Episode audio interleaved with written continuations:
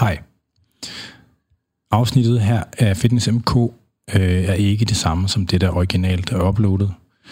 Øh, da Katrine og jeg, vi har haft en øh, retstvist med nogle af de øh, coaches, der er nævnt, så har det betydet, at vi har blibet dem ud fra den nærværende øh, podcast og genuploadet det. Så hvis du tidligere har hørt en anden udgave, så det er altså forklaring på det. Øh, den gamle øh, udgave findes, så vidt jeg ved, ikke længere nogen steder på internettet, og øh, det er sådan, det er. Jeg håber, du vil nyde afsnittet alligevel.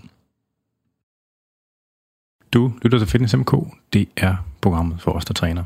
I dag der skal vi snakke om online coaching igen, fordi at det er opfølgeren til det foregående afsnit. Og vi har endnu en gang øh, besøg af den lokale husven, Katrine Gissiker, til at gøre os klogere på det her. øh, ja, nu plejer der at være sådan en smør om, hvad vi plejer at snakke om i Fitness MK. Altså Katrine og mig, vi har jo begået sådan en omgang øh, gonzo-journalisme på det her online coaching-fænomen, hvor vi har krasset en masse historier ind fra øh, folk, der har været i kløerne på online coaches. Og hvis du øh, sidder og hører det her og er helt blank på, hvad det handler om, så vil jeg stærkt anbefale at rulle tilbage til det foregående afsnit, øh, som øh, ligesom ligger op til det, vi skal snakke om her også. Så Oprindeligt så havde vi en enkelt dagsorden, så det, så det skulle være et enkelt afsnit, men det blev simpelthen for meget. Så øh, det er sådan her, det er. Så det blev klippet over på midten, og øh, nu her skal vi behandle den anden halvdel. Øh, vi sidder jo i øh, køkkenet på Nørrebro, og så hvis man kan høre en øh, vaskemaskine, eller en opvaskemaskine, eller øh, nogle børn, der kommer forbi på et eller andet tidspunkt, så, er det, øh, så skal I bare betragte det som almindelig øh, ambience. Og øh, ja, vi skal snakke om online coaching. Øh, jeg skal også sige, at øh, dagens afsnit det er præsenteret i samarbejde med BookBeat, som er en platform, der leverer lydbøger og e-bøger til læsning på tablets og, det, og lignende. De øh, har været så søde, at de har lavet et øh, link eller og rabatkode til Fitness MK-lytterne. Den hedder bare Fitness, og man kan også gå ind på øh, bookbeat.dk slash fitness, som ligesom indløser den der kode automatisk. Og øh, i forbindelse med de her adviseringer, så vil jeg også gerne anbefale en ting, man kan læse eller lytte til. Og den her gang, der vil jeg gerne anbefale Platform af Michelle Ylbeck. Øh, han er sådan en øh, moderat kontroversiel fransk forfatter, fordi de fleste franske forfattere, de er dybt venstreorienterede, og han er sådan lidt mere øh, kyniker, og nogen vil kalde ham antihumanist. Og det er simpelthen en øh, platform, det er sådan en virkelig vild svælgen sådan i menneskelig derut og kynisme, som bare sådan er iskoldt.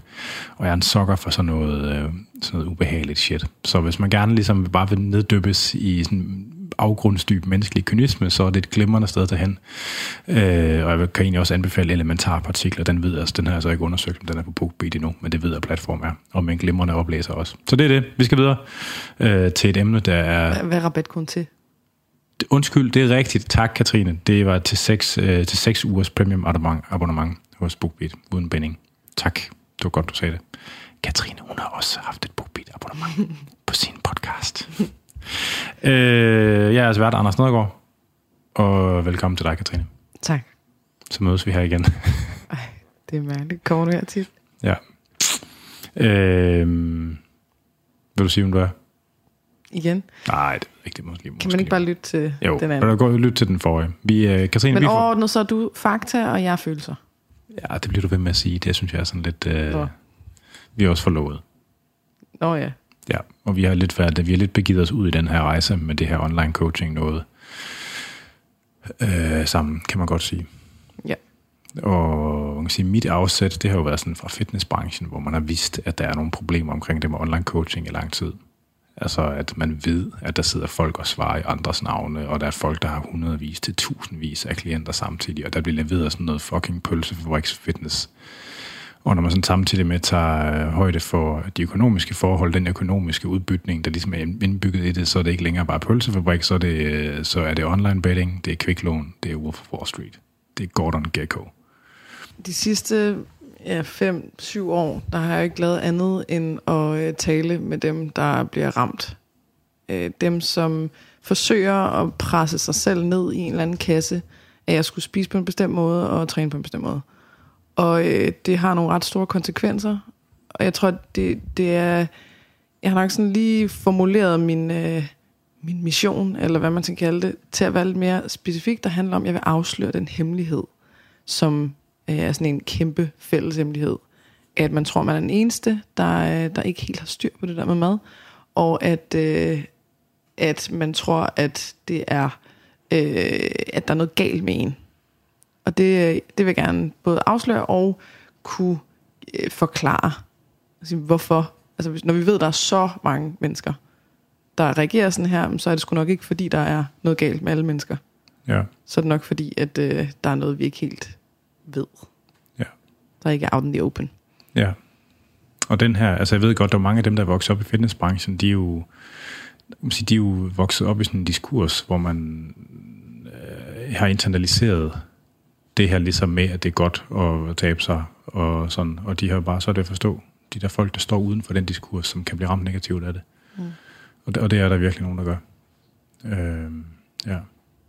Så øh, jamen, det er jo det, vi skal snakke om i dag. Det var det, vi ligesom ikke nåede sidst, og så skal vi prøve på at komme med lidt oplæg til, hvordan folk de kan forholde sig, både coaches og klienter, øh, tidligere og prospektive. Så det er der, vi skal hen i dag.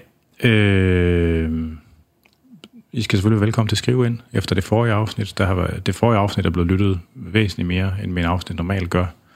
Og, øh, vi har, og jeg har også fået øh, en del øh, mails fra folk og henvendelser på Messenger også. Så det, øh, de er overvejende pæne, vil jeg sige. Så mange tak for dem. Det varmer alle sammen. Øh, meget, meget, meget overvejende pæne. Så, men øh, ja, vi skal, øh, vi skal til videre. Øh, I skal være velkommen til at skrive ind, og det kan man på afn eller på FitnessMK's Instagram eller Facebook-side. Så vi skal have en skiller.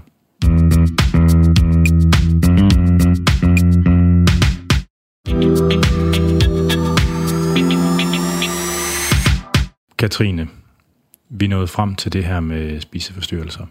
Og det var måske, øh, det, var måske det, som jeg blev mest indineret over, øh, da, vi, da vi begyndte at, at, ligesom at krasse de her historier ind. Kan du ikke prøve at sige lidt om det?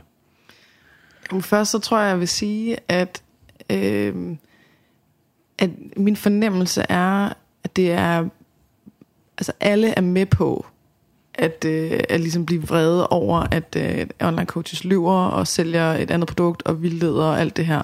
Men som om, så snart vi kommer over i sådan noget, der handler om det psykiske, øh, om forstyrret spisning, om overspisning, følelsesmæssig spisning, restriktiv spisning, alt det her, øh, og alt det psykiske, der hører med af selvbebrejdelse og skam og dårlig samvittighed, og øh, at det begynder at påvirke ens liv, altså sådan ikke kun i forhold til mad, men i, i forhold til alt muligt andet, der er det som om, at øh, det føles lidt øh, som om, at det bliver ligegyldigt.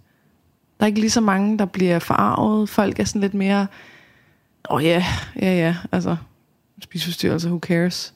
Ja. Og det kan jeg godt mærke, at det, det rammer mig helt vildt, og jeg tror simpelthen, det er fordi, at man ikke selv har siddet øh, og mærket, hvordan det er selv, eller øh, mærket med klienter og fået historier og alt det her, at man simpelthen ikke aner, hvor slemt det rent faktisk er. Så øh, jeg vil ved med, at den første podcast bliver lyttet til meget mere end den her. Fordi så snart man hører, at det er sådan noget forstyrret spisning, så er det sådan lidt, nå ja. Og det øh, bliver jeg ramt af. Ja, men det var, altså, man sige, de fylder jo, altså det er jo noget, som vi privat har talt meget om, fordi at ligesom alle dine kunder, det er så nogen, der døjer med det der stort set. Ikke? Alle, alle de klienter, du har i din kognitive kostvejledningsbæks. Mm. Vi har jo diskuteret meget, hvor mange af dem der er, hvor stor en fraktion af folk bliver påvirket negativt af det her. Ja, Og det er jo et kæmpe stort mørketal. Der er, vitterligt, der er jo vitterligt ingen, der ved det. nej. Altså, Men der er netop ingen, der ved det, fordi at det både er øh, skamfuldt og er noget, man tror, man er alene om. Ikke? ja. Og hvis, hvis nu, at man kunne få alle frem, ikke? alle, der på nogen måde har et forstyrret forhold til mad, altså alt, hvor det ikke er et afslappet, naturligt forhold til mad, hvor man bare spiser, når man er sulten, og stopper, når man er mæt. Øh, hvis alle står frem, så vil man finde ud af, at det højst sandsynligt er næsten alle. ja. Jeg ved godt, jeg er biased. Men, øh, Jo, jo, og men der er jo lavet, altså den nye, hvad kan man sige, hvor at 90'ernes spiseforstyrrelse, det var anoreksi, øh, så er det jo overspisning og forstyrret spisning nu. Mm. Øh, og der jo, findes forskellige definitioner af dem, sådan i den ernæringspsykologiske, sådan i en ernæringspsykologisk kontekst. Og der er lavet sådan forskellige studier med forskellige definitioner af, hvor mange mennesker, der rent faktisk har de her ting. Øh, og jeg tror for overspisning, så nærmer det jo sådan til 15 procent altså, øh, af voksne kvinder øh, og forstyrrespisning er endnu højere. Det kan, også, det kan godt være, at det, må over, det kan godt være, at jeg husker forkert, forkert med overspisning, men det er sådan noget, altså, hvor man tænker, det, det vil sige, at jeg kender adskillige, der døjer med det her. Og ja, det gør du. Jeg tænker jo 10-15 procent. Ha! Det må Ja, ja, ja, være ja. langt højere. Men, Nå, men altså, ja. jeg, altså et spøjst eksempel, ikke? det er jo, jeg, jeg kender en, nede til stedet jeg træner, der er en fyr, som har været sådan halvprofessionel MMA'er, og øh, vokset op med sådan en hård barndom, og man er blevet sådan en meget, han har overhovedet godt skudt på, godt begavet. Øh, øh, men, men så, for, så han så fortalt ligesom, at når han så har, at når han har skulle forberede sig til kampe, øh, så fik han det sådan lidt mærkeligt med mad, og, så, og, og, og fik, øh, og du ved, var meget restriktiv, og så kom til at sidde og spise alt for meget, specielt bagefter, hvor det sådan var svært at styre. Og nu, hvor han så har prøvet et par gange, nogle gange på lige at skulle tabe sig lidt, fordi han vil gerne have den der krop, som man havde, så har han sådan nogle episoder, ikke? og siger til ham, du har overspisning. Som er sådan, altså sådan, og, mm. altså man tænker, det er sådan en kvindeting, og det, Er det det ikke? er det bare ikke. Altså, øhm, ja. Men måske skal vi også lige definere overspisning, fordi jeg tror, øh, for mig at se, så er det i hvert fald, at jeg har en lidt anden end resten af verden. Der er mange, der tænker, at overspisning, det handler bare om, at man har spist meget, uanset hvordan man har det med det. Og, øh, og det kan sikkert også bruges sådan, men for mig er det, at man på en eller anden måde har følt et kontroltab. ja. Øh, at man får dårlig samvittighed bagefter, at man bliver irriteret på sig selv, at man tænker, ej, det var fandme ikke særlig smart, nu må du lige stramme op. Øh, altså i sådan en range af, fuck dig, øh, din øh, klamme fede so, se hvor ulækker du er, øh, du kan ikke finde ud af en skid, øh, jeg hader dig, til, ah, det var sgu lidt irriterende. Men alt sammen noget, hvor man har en reaktion, hvor man føler, at det ikke var en selv, der kontrollerede det, at det ikke var en selv, der valgte det bevidst. Og det betyder, at det kan være store mængder, og det kan være små mængder. Og det betyder, at det kan være øh, øh chokolade, slik, kage, men det kan også være skyr. Altså folk, der har spist øh, to portioner skyr, hvor de kun måtte spise en, de oplever samme reaktion af Ja. Så det, det er også bare lige, der findes jo en klinisk definition på binge eating disorder. Jamen det er tvangsoverspisning. Ja, nå, men det er bare lige for at være sikker på, at folk er med på det, at det er noget Nå, andet. ja. Altså fordi den, det, det er jo sådan en differential diagnose, hvor man skal opfylde nogle forskellige kriterier. Og der er nogle af kriterierne, de handler om, hvor ofte det skal være over hvor lang en periode. Ja, nej, men der, der er et Og der kriterie, der være handler om mængde at også. en mængde. Ja, Ja, ja. ja. præcis. Det er den, jeg er... Ja. Så det vi taler om her, det er nok det, man sådan formelt set ville kalde forstyrret spisning. Fordi forstyrret ja. spisning viser sig oftest som episoder af overspisning.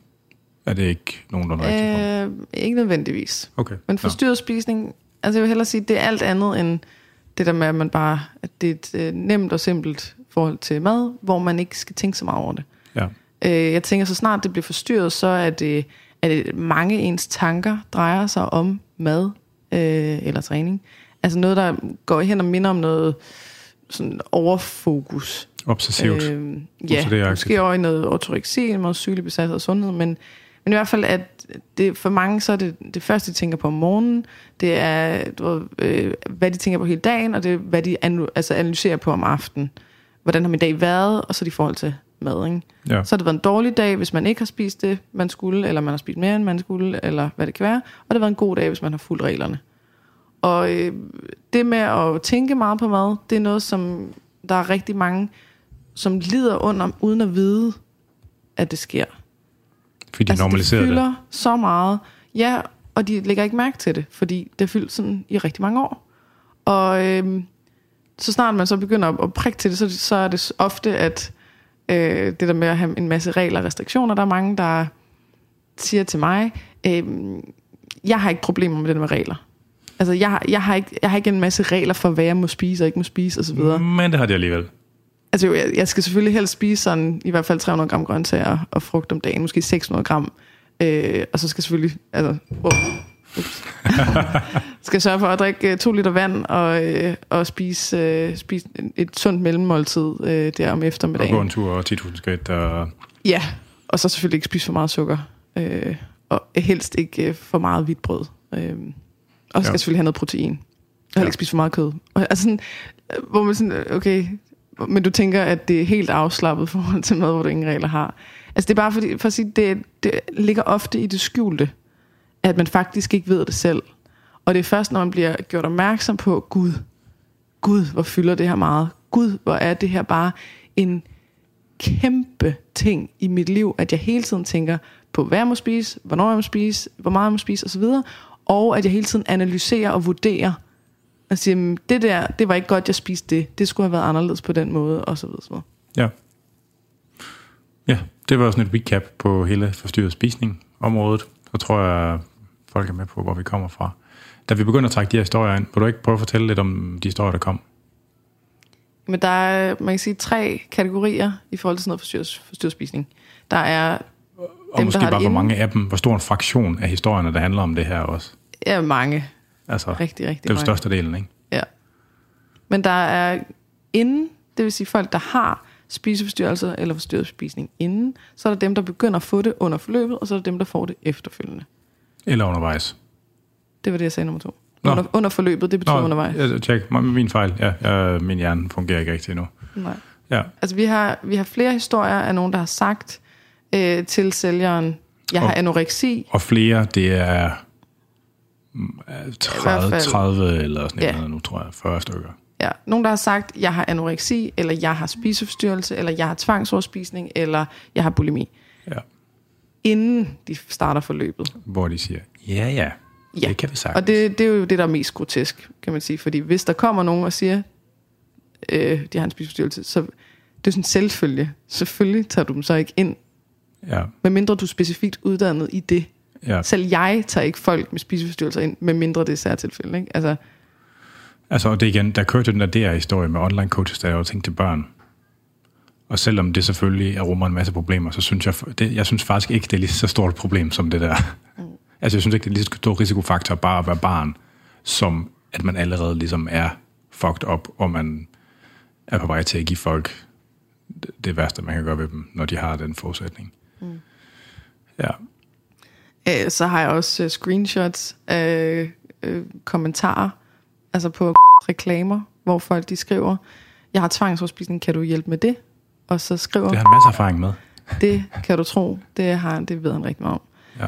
Øh, Jeg kan bedst lide dem, hvor han skriver masser af erfaring, fordi så kan man ligesom segway den over i, ja ja, han har masser af erfaring med at give folk tvangsoverspisning. du kan ikke blive ved med at bruge den joke, den brugte vi også i sidste Jamen, der sprang jeg den over jo. afsnit. Nej, Nå, gør det? Nå, så sagde jeg, også. han gav masser af mennesker anoreksi. Ja, Ja, Nå, men, satans. men det er alt det, og så er der også bare en masse, som siger, om de har kroniske smerter, og de har øh, skader, og de øh, kan ingenting, og de har angst, og de har, altså, hvor, det, hvor alle kommentarer var sådan, yes, lige præcis det der, det har jeg faktisk vildt meget styr på. Ja, og det har han altså ikke. Og øh, hvis du tager en ind med angst, eller med depression, eller med spiseforstyrrelse, eller på en eller anden måde et eller andet, som rent faktisk kan gå hen og blive farligt, og også når vi snakker diabetes 1, og det her med at få føling, mens man kører bil, Eller så kan man sover. dø og dræbe Ja. andre mennesker. Altså, det, det er ikke for sjov. Det er, det er sådan helt vanvittigt overhovedet at kunne overveje at skrive det offentligt, at yes, det kan man godt. Altså, og jeg har det jo sådan, jeg er jo, øh, altså, det er et spørgsmål om tid, før vi hører om det første dødsfald i forbindelse med det her. Helt sikkert. Øhm, og det er fordi, at der, de her coaches, de bliver pushet på for at skalere deres specs, og de ikke fatter konsekvenserne af, hvad de laver. Øh, jeg har været i kontakt med en, der har udviklet livstruende anoreksi, altså som var indlagt og blevet tvangsfodret, som man nogle gange gør med anorektikere nogle dage, fordi hun var fucking ved at dø af sult mm. efter det, de her forløb.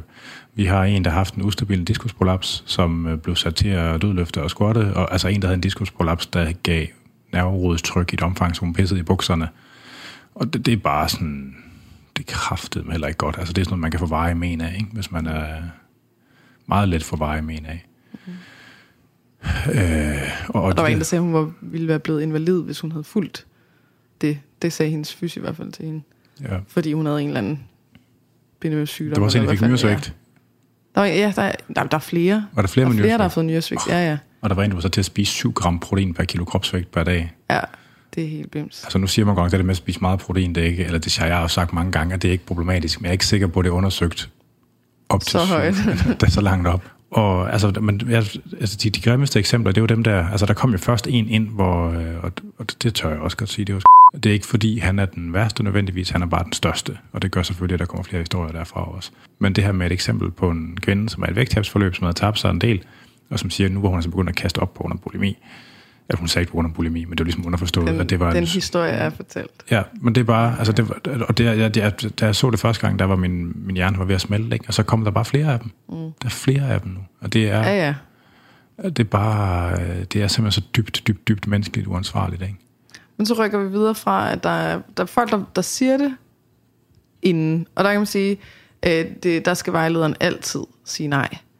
Øh, så, så kan man argumentere for, at sælgeren måske er blevet misinformeret og øh, bare har været drevet af sin provision. Men endnu relativt stærk. og andre, de har jo også skrevet til personen. Ja. Yes, det kan jeg godt. Ja. Så øhm, der er alt det inde, og der kan man selvfølgelig også stille spørgsmålstegn ved, at hvis du, du har en spiseforstyrrelse og, og ved det selv, hvad er det så, der gør, at du tænker, at øh, online kostplaner og reality-stjerner er vejen frem?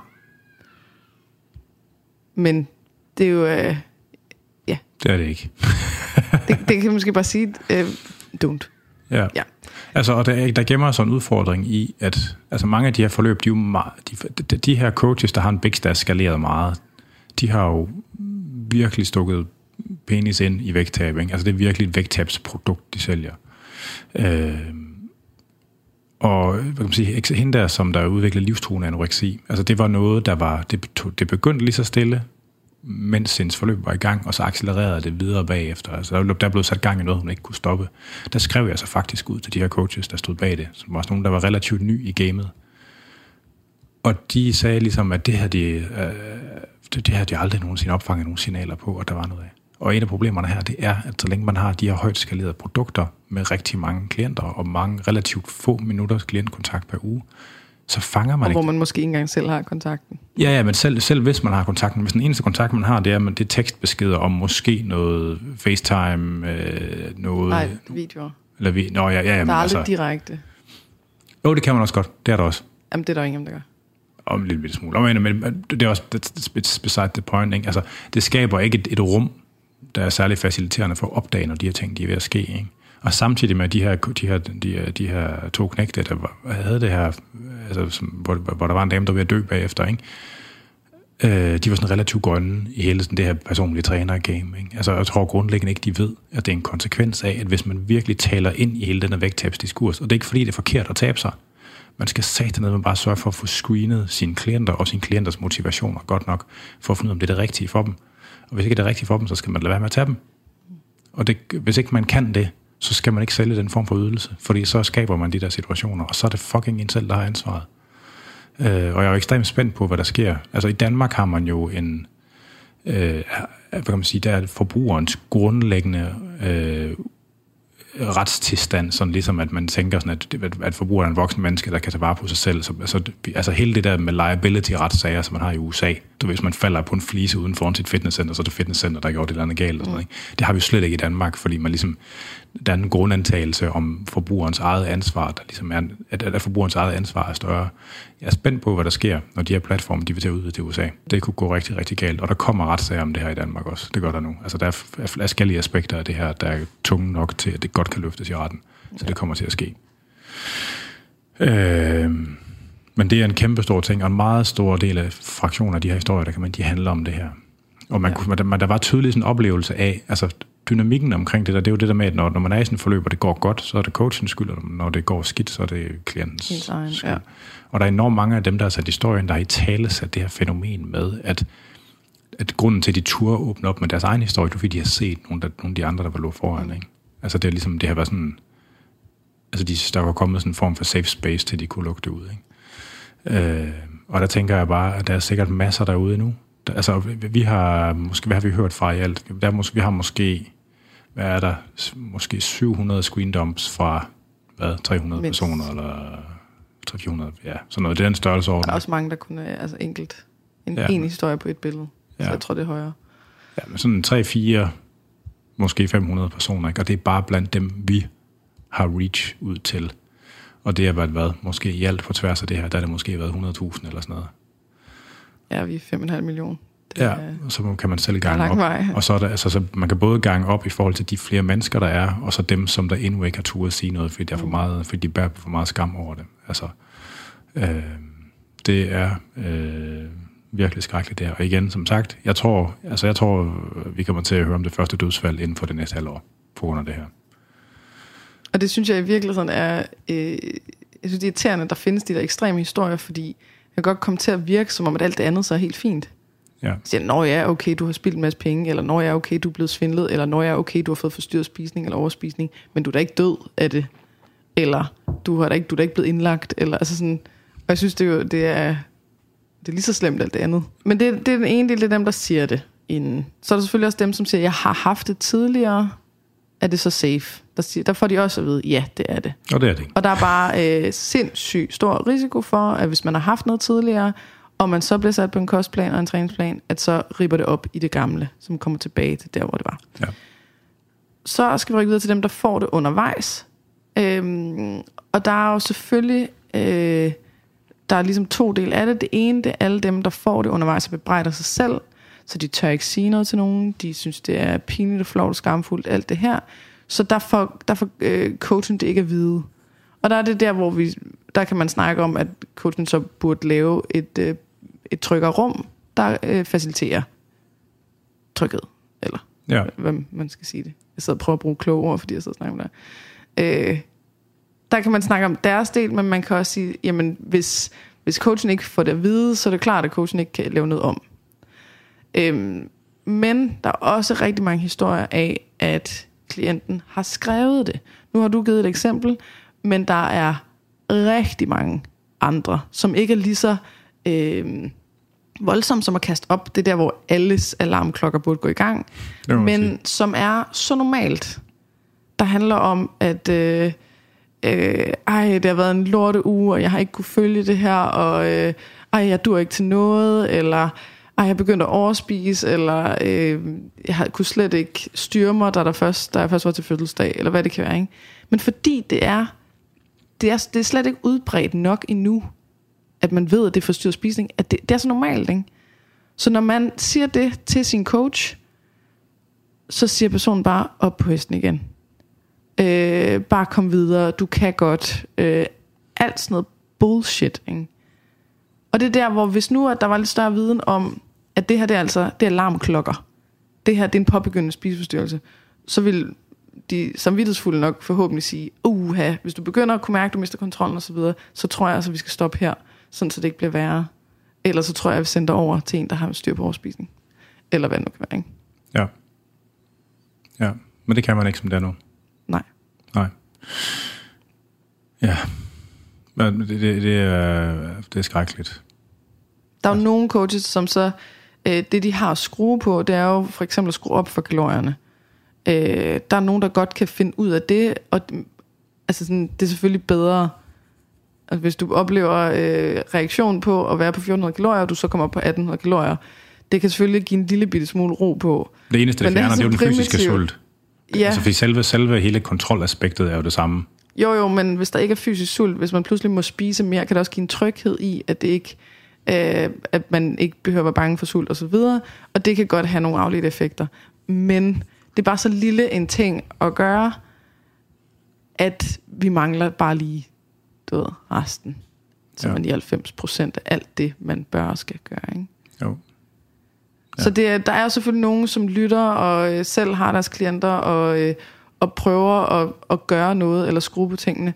Men indtil videre, så dem, som bliver øh, omtalt som værende de, de rigtig gode coaches, dem, der virkelig har samvittighed, dem, der er øh, der virkelig er øh, dygtige, øh, deres svar til, når folk begynder at overspise, er stadig til grin. Eller, hvordan skal man sige det, øh, er utilstrækkeligt det, det er svært, for når man sidder med det hele, øh, sådan, når det er det, jeg har arbejdet med i fem år, og ikke lavet noget som helst andet, så er det selvfølgelig klart, at jeg er mere nørdet inden for det.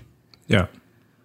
Og jeg kan godt følge tanken. For eksempel så øh, er der en af de her øh, kvindelige coaches, som har skrevet noget med, øh, man må også lære at behovsudsætte. Øh, det er vigtigt. Og øh, prøv at mærke efter, om du er om du er sulten, eller om du egentlig er ked af det, eller keder dig. Fordi hvis du er ked af det, eller keder dig, så er mad ikke løsningen. Og det kan godt udefra lyde som om, at det skulle da enormt klogt sagt egentlig. Øh, fordi hov, det er en her, der har opdaget, at man også spiser på andre ting end sult. Nej, dygtig, ikke? Jeg er så tæt på. De mangler bare lige det sidste skridt. Men så mangler vi bare lige resten, ja. ikke? Som er at sige, prøv, hvis, hvis vi løste alle følelsesmæssige spisningsproblemer, ved bare at sige, Nå, men du skal bare lade være med at spise, Ja. så var der højst sandsynligt ingen tykke mennesker i verden, ikke? Altså, Nej. er min opfattelse. Så jeg, jeg kan, og jeg kan også godt høre på ham, øh, en af de mandlige, som ellers er en af dine venner, og sådan øh, en good guy, som har sagt, hvis du begynder at få cravings og så videre, så vent 20 minutter. koncentrere dig om noget andet, og så kom tilbage, og hvis du stadig har lyst til at spise det, og hvis ikke, så lad være. Det, det synes jeg faktisk er lidt bedre end det andet der, men det er stadig, er stadig enormt lang vej endnu, ikke? Så jeg tror også, der er noget med, at hvis man er i det, og, altså det miljø, og øh, man altid har trænet selv, og man har selv har styr på maden, og du ved, man aner ikke, der findes noget, så kan det godt føles enormt vildt, at man har fundet på noget andet, ja. noget mere. Men der er bare nogle andre, der er miles ahead med det. Ja. Det og måske fordi man slet ikke ved, hvor langt der er, hvor meget mere der er, ja. hvor, hvor kompliceret det er. Ikke? Så det er jo, altså, over, altså det, det der, det er jo, det er jo en coping-adfærd. Mm-hmm. Man skal finde ud af, hvorfor man har behov for at cope, og om man kan cope på andre måder. Ja. Og prøv lige at udskifte alt mad med stoffer. Ja. Og så gad jeg godt at høre, hey, øh, jeg har begyndt at, øh, at tage enormt meget kokain. Ja, men så prøv bare lige at mærke efter, og så bare lade være, hvis nu du ikke har lyst til at tage kokain. Altså sådan... Bare lige vent til i morgen. Bare lige giv det 20 minutter, og så kan du tage kokain. Altså sådan... Ja. Ja. Ja. Så, jeg prøver lige at... Ja, ja. Det, det var hele spiseforstyrrelsestingen. Altså, og det... Øh, så er det selvfølgelig alt det der med bare at få skæld ud og tage dig sammen, og øh, nu må du simpelthen... Øh, du skal ikke, du skal ikke afvige fra planen, og ja. sådan noget. Men det, Men altså, det går ud for de fleste, ved jeg. Fucked up. Så der, der, de forskellige coaches håndterer du forskellige måder, det her med de mange klienter. Og ja. det, som vi har fundet ud af nu, efter at have snakket med folk, der har været ansat forskellige steder hos coaches og hos Lenus og sådan noget, den måde, som det foregår på hos selv, det er, at han udvælger ligesom sine prize girls. Mm. Dem, der det tror jeg, vi sagde sidst også. Men ja, Ja, nå, det er fordi, vi har, vi har været, jeg har været i flere podcasts og snakket om det, er svært at huske. med Morten Svane og Morten Elsen. Ja, men jeg har jo snakket om det i to andre podcast eller radioprogrammer også, så det er sådan, jeg vil så huske. Men han vælger ligesom dem, der sådan er tykkest og så virker ja, til at være mest. så tager han 25 selv. Og så bliver det ligesom hans prize girls, dem der for alvor for, hvor man bruger transformationsbilledet og, og det hele. Og så har vi snakket med nogle af dem, der var bagefter. Mm-hmm. Der er, der er blandt andet en, som startede med at skrive til mig, at hun har været med i hans bog, som sådan et, øh, du ved, perfect example på, hvor, hvor godt hans produkt er. Hun har tabt 40 kilo øh, på de 10 måneder. Hun, øh, har, der, hun, han har delt rigtig mange før- og efterbilleder med hende. Det er ikke alle, han har haft lov til. Øhm, men, øh, men hun har også været med i interviews og så videre. Ikke? Hele hendes omgangskreds ved det her. Alle hendes venner, alle hun kender. Hun har ikke været anonym på noget tidspunkt. Hun, alle ved. Øhm, og der er jo en af de største triggers til skam, det er jo det der med, hvis man har opnået noget, man så mister igen.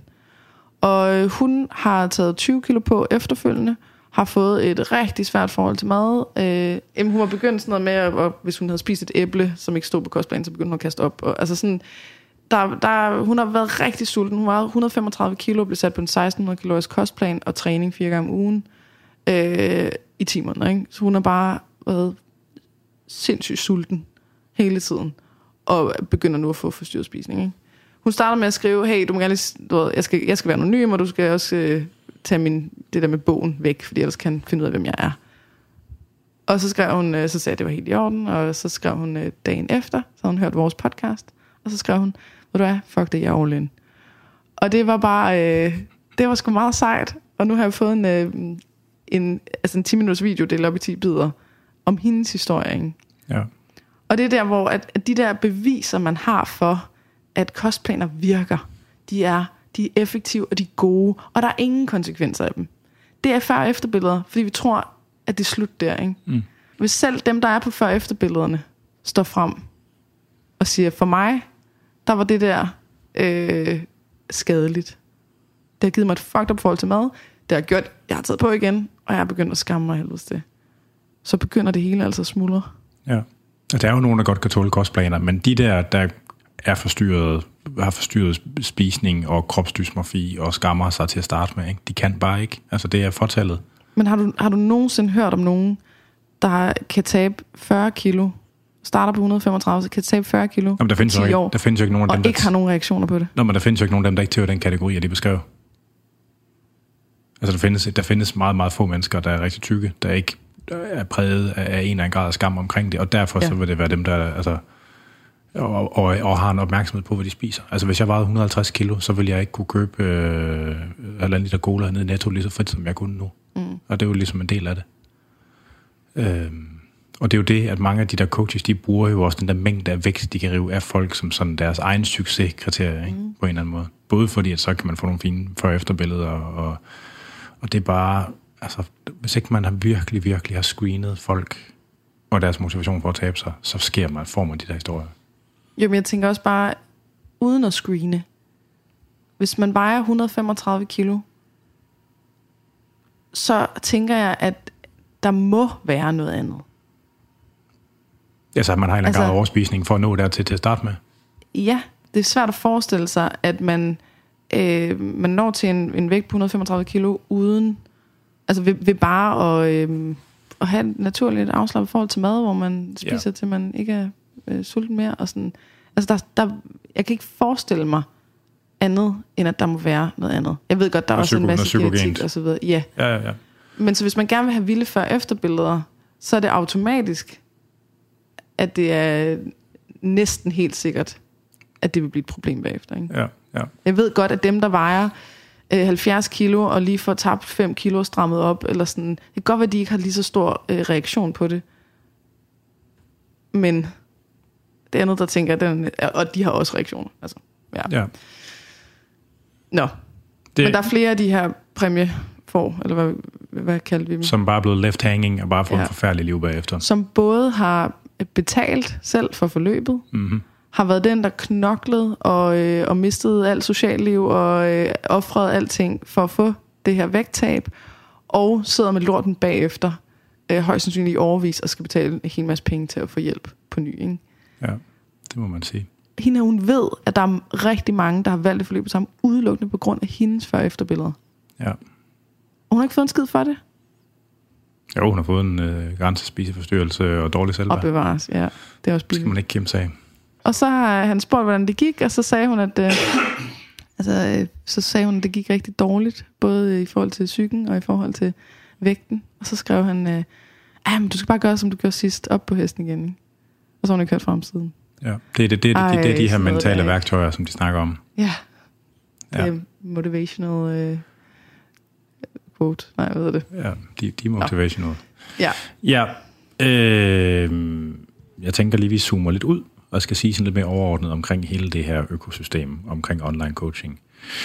Øh, der findes flere af de her online coaching platforme. Linus det er bare den største. Zenfit, de kommer lige bagefter. Jeg ved, der er flere på vej, der godt kunne tænke sig, der har set ligesom det samme marked og godt kan se det her.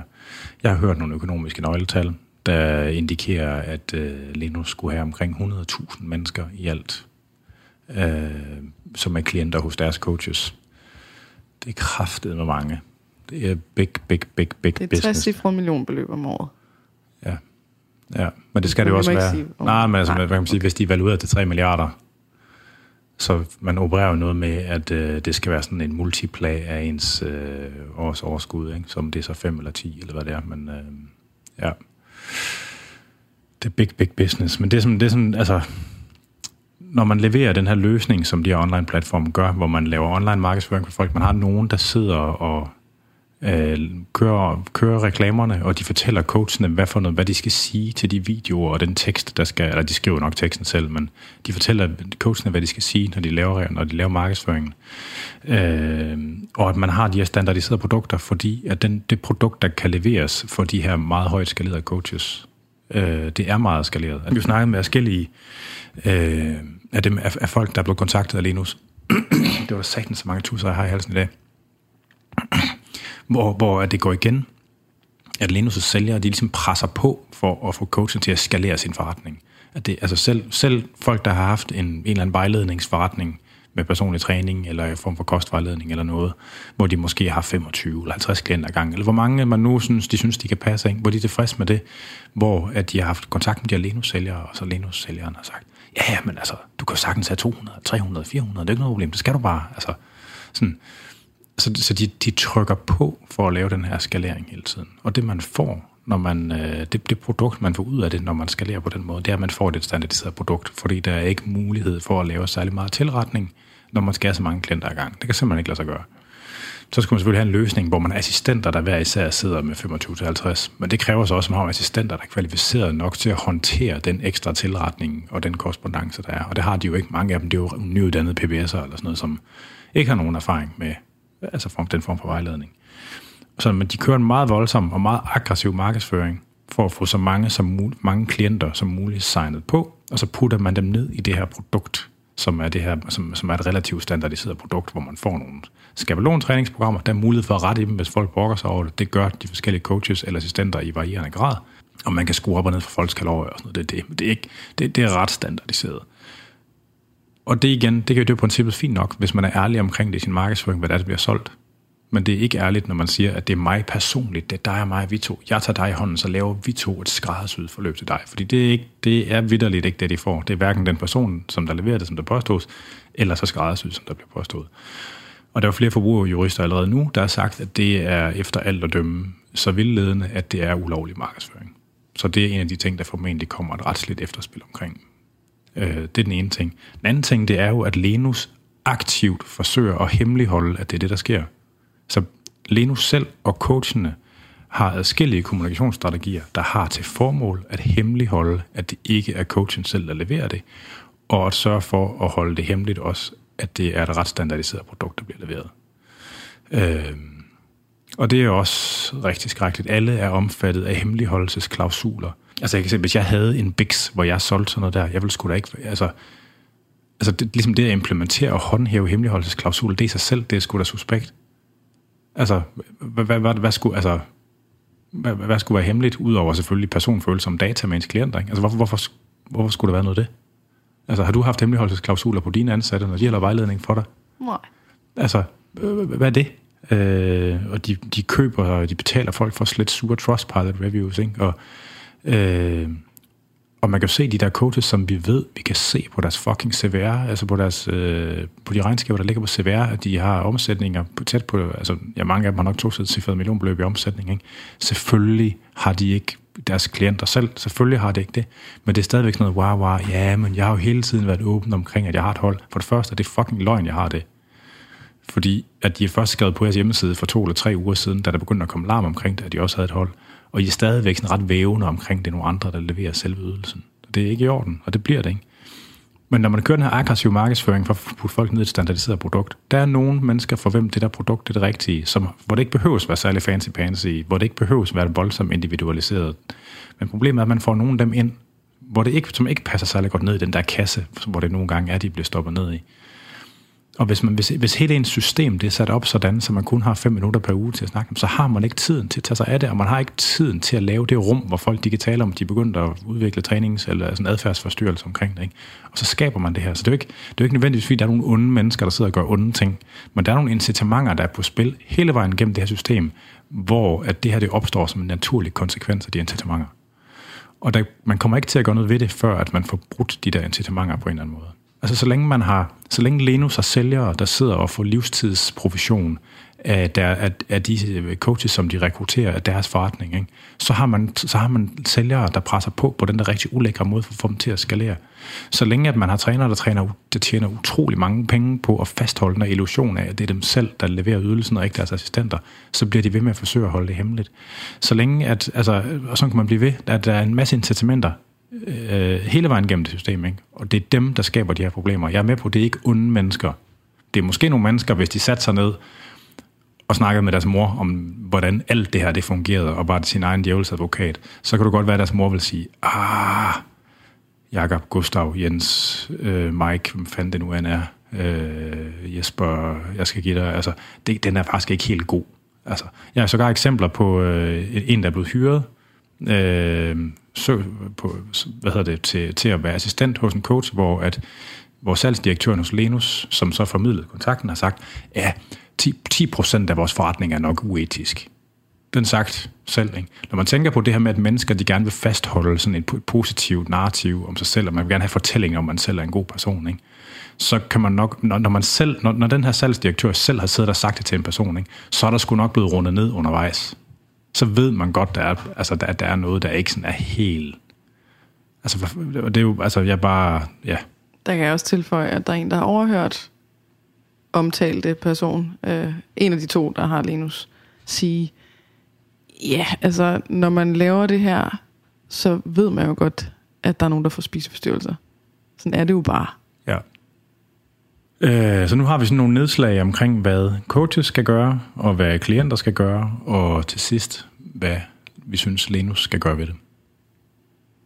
Øh, jeg ved ikke, skal vi, skal vi tage det med klienter først? Ja. Skal vi starte med dem, øh, de klienter, der har været igennem møllen, og føler sig snydt, eller føler sig mishandlet på en eller anden måde? Ja. Facebook-grupper? Ja. Vi har lavet to Facebook-grupper. Den ene hedder Snydt af online coaches. En online coach. Snydt af online coaches. Snydt af online coaches, den anden hedder Skadet af online coaches. Yes. Man må gerne være med i begge to, men... Øh, de er forskellige formål. De er forskellige formål. Den første, der hedder Snydt, den handler om, at man føler, at man har fået noget andet, end det man har betalt for, at man er blevet snydt, man er blevet vildledt osv. Den gruppe kommer til at øh, handle om, hvad kan man gøre i forhold til øh, forbrugerklagenævnet, forbrugerombudsmanden, øh, øh, få udleveret sine data i forhold til sådan noget med GDPR osv. Og hvis og, man... Ja, øh, gruppesøgsmål. Øh, Eller individuelt. Hvis man gerne vil lægge sag an, vi kommer til at, øh, at have nogle jurister og advokater, som kan hjælpe til de her ting. Øh, så for eksempel Alexander. Ja. Det er den ene gruppe. Den anden gruppe er skadet af, en online, af online coaches, og den handler om, at man har fået et øh, dårligere forhold til mad og krop og så videre efter forløbet. Øh, det vil sige, hvis man, hvis man kan se, at der er, der er nogle problemer, som ikke var der inden forløbet, så stammer de højst sandsynligt fra forløbet. Hvis du øh, har taget kiloene på igen, hvis du har øh, oplever øh, skam, hvis du oplever alle de ting, som jeg står for, ikke? Øh, at tænke enormt på mad, at have meget svært ved ikke at veje din mad, øh, have udviklet øh, angst, eller øh, alt det psykiske øh, skrald, der kommer i, i kølvandet på sådan et forløb. Ja. Det er, det er, og den gruppe er mere, altså den første er mere, mest din, og den anden gruppe her er mest min. Der kommer jeg til at øh, lægge nogle øh, links op til nogle foredrag. Jeg kommer til at lave nogle øh, live, histo- hvad hedder det, live stories, øh, live video, Facebook video. Jeg kommer til at prøve at se, om jeg kan få nogle andre fra øh, min branche med ind. Det kan også være, at jeg kommer og sige noget om træning. Du siger nok også lige noget, øh, og så videre. Der er jo rigtig og hvis mange man både folk. føler sig snydt, og man har udviklet så. et eller andet lort bagefter, så melder ind i begge to. Altså, og man kan, grupperne er oprettet, og man kan søge medlemskab. Øh, vi er lige ved at finde ud af, hvordan reglerne skal være. For Ja. der skal være noget, ligesom som... Altså, den der skade, der online coaches, skal også have karakter af at være en selvhjælpsgruppe på en eller anden måde, hvor folk skal Ja. dele deres historier. Fælles Fordi selv, selve delingen er en del af helingen. Ja. Deling, del af heling. dårlig, dårlig pånd. Ja. Ja, men der kommer nok til at være noget med, at man skal ansøge, øh, og så skal man skrive, hvad ens historie er, øh, inden man får lov at komme ind. Fordi vi skal ikke have folk ind, der øh, bare gerne vil kigge over skulderen på, hvad vi laver, og Nej. øh, den slags. Og især den, der hedder Skadet af en online coach, af online coaches hedder det, øh, der skal man, øh, der, det skal være så trygt et space, at man ved, at alle er i samme båd, bare i højere eller mindre grad. Ja. Og hvis man i øvrigt er ingenieret over alt det her, som man retteligt burde være, så er der også, har vi lavet en anden Facebook-gruppe til folk, der har lyst til at hjælpe med at organisere alt det her, fordi vi har brugt rigtig mange timer på det, og hvor vi nok begge to håbet på, at det ville være sådan lidt hurtigt overstået en shitstorm, der varede nogle uger eller en måned, og så kunne man få nogen til at gøre noget. Øh, der tror jeg, der det realistiske perspektiv er nok noget, det er noget, der kommer til at vare øh, lang tid. Ja. Og der er også specielt så noget med at få involveret altså, øh, advokater og retssager og sådan noget, det kommer til at tage rigtig lang tid. Og hvis man kan hjælpe med medier, Ja, altså der er mange medier, der øh, gerne vil tage det op, og der kommer bare ikke noget fra dem. nej. Så hvis man, hvis man har en kontakt, eller hvis man kan noget, eller hvis man på anden måde kan hjælpe med et eller andet i det her, så meld dig ind i gruppen. Skal vi sige noget? Øh, det lidt, ja, det kan vi godt. Den hedder Os, der slås med drager. Øh, og der vil jeg gerne lige skrive med folk, for at de bliver lukket ind. Ja. Og det skal man gøre, hvis man har lyst til at bruge et par timer eller tre i ugen på at hjælpe med at passe nogle øh, Facebook-grupper, eller hjælpe med at passe en Instagram-profil. Øh, eller måske, ja, det er vel sådan de primære ting lige nu. Det kan også være, der kommer noget andet. Altså når, når ja, det, det er primært det lige nu. Øh, og måske organisere de her klienthistorier. Fordi vi, man kan sige, de her klienthistorier, vi har fået, de er jo kommet ind øh, vi er jo, de, de, altså gennem vores messengers på Instagram og Facebook. Og det er en, forfærdelig, det er en forfærdelig måde at arrangere det på. Og der tror jeg nok, at vi skal til... Jeg har en lidt idé til, hvordan det kan blive arrangeret i stedet for, men jeg skal lige have sat det op, så det kan komme til at fungere ordentligt. Øh, så hvis du er derude, og der har lyst til at hjælpe med sagen, så øh, skriv. Så, Også hvis man bare gerne vil hjælpe lidt. Ikke? Ja. Vi har brug for al den hjælp, vi kan få. Ja. ja. Det var klientperspektivet. Så har der været flere, der har spurgt, hvordan finder man en... Øh, en god online coach. En god online coach eller en god personlig træner. Mit første spørgsmål til det med online coach er altid, hvorfor skal det være en online coach? Ja. Hvad, hvad er det i det produkt, du har øh, forelsket dig i, eller tænker, der vil passe godt til dig? Jeg tror, der er mange, der tænker, at det er lavere commitment på en eller anden måde, en personlig træner. Men ironisk nok, så er det jo meget højere commitment, end de fleste personlige trænere. Okay. Det tror jeg, der er mange, der forestiller sig. At det er sådan, så man er ikke ligesom sådan for, lige så forpligtet på en eller anden måde. Men hvis jeg... Øh, jeg har jo haft mange, der har skrevet, jamen, hvem er så de gode? Øh, hvordan finder man en god online coach? Og så har jeg spurgt, øh, skal der være en online coach? Og så har... Øh, altså, når, når vi ligesom har snakket om, hvad er online coaching for et produkt. Hvis, hvis det du leder efter, det er en kostplan, som bare er nogle guidelines, fordi den kommer ikke til at være skræddersyet til dig, og den kommer ikke til at, øh, at passe øh, til dit liv.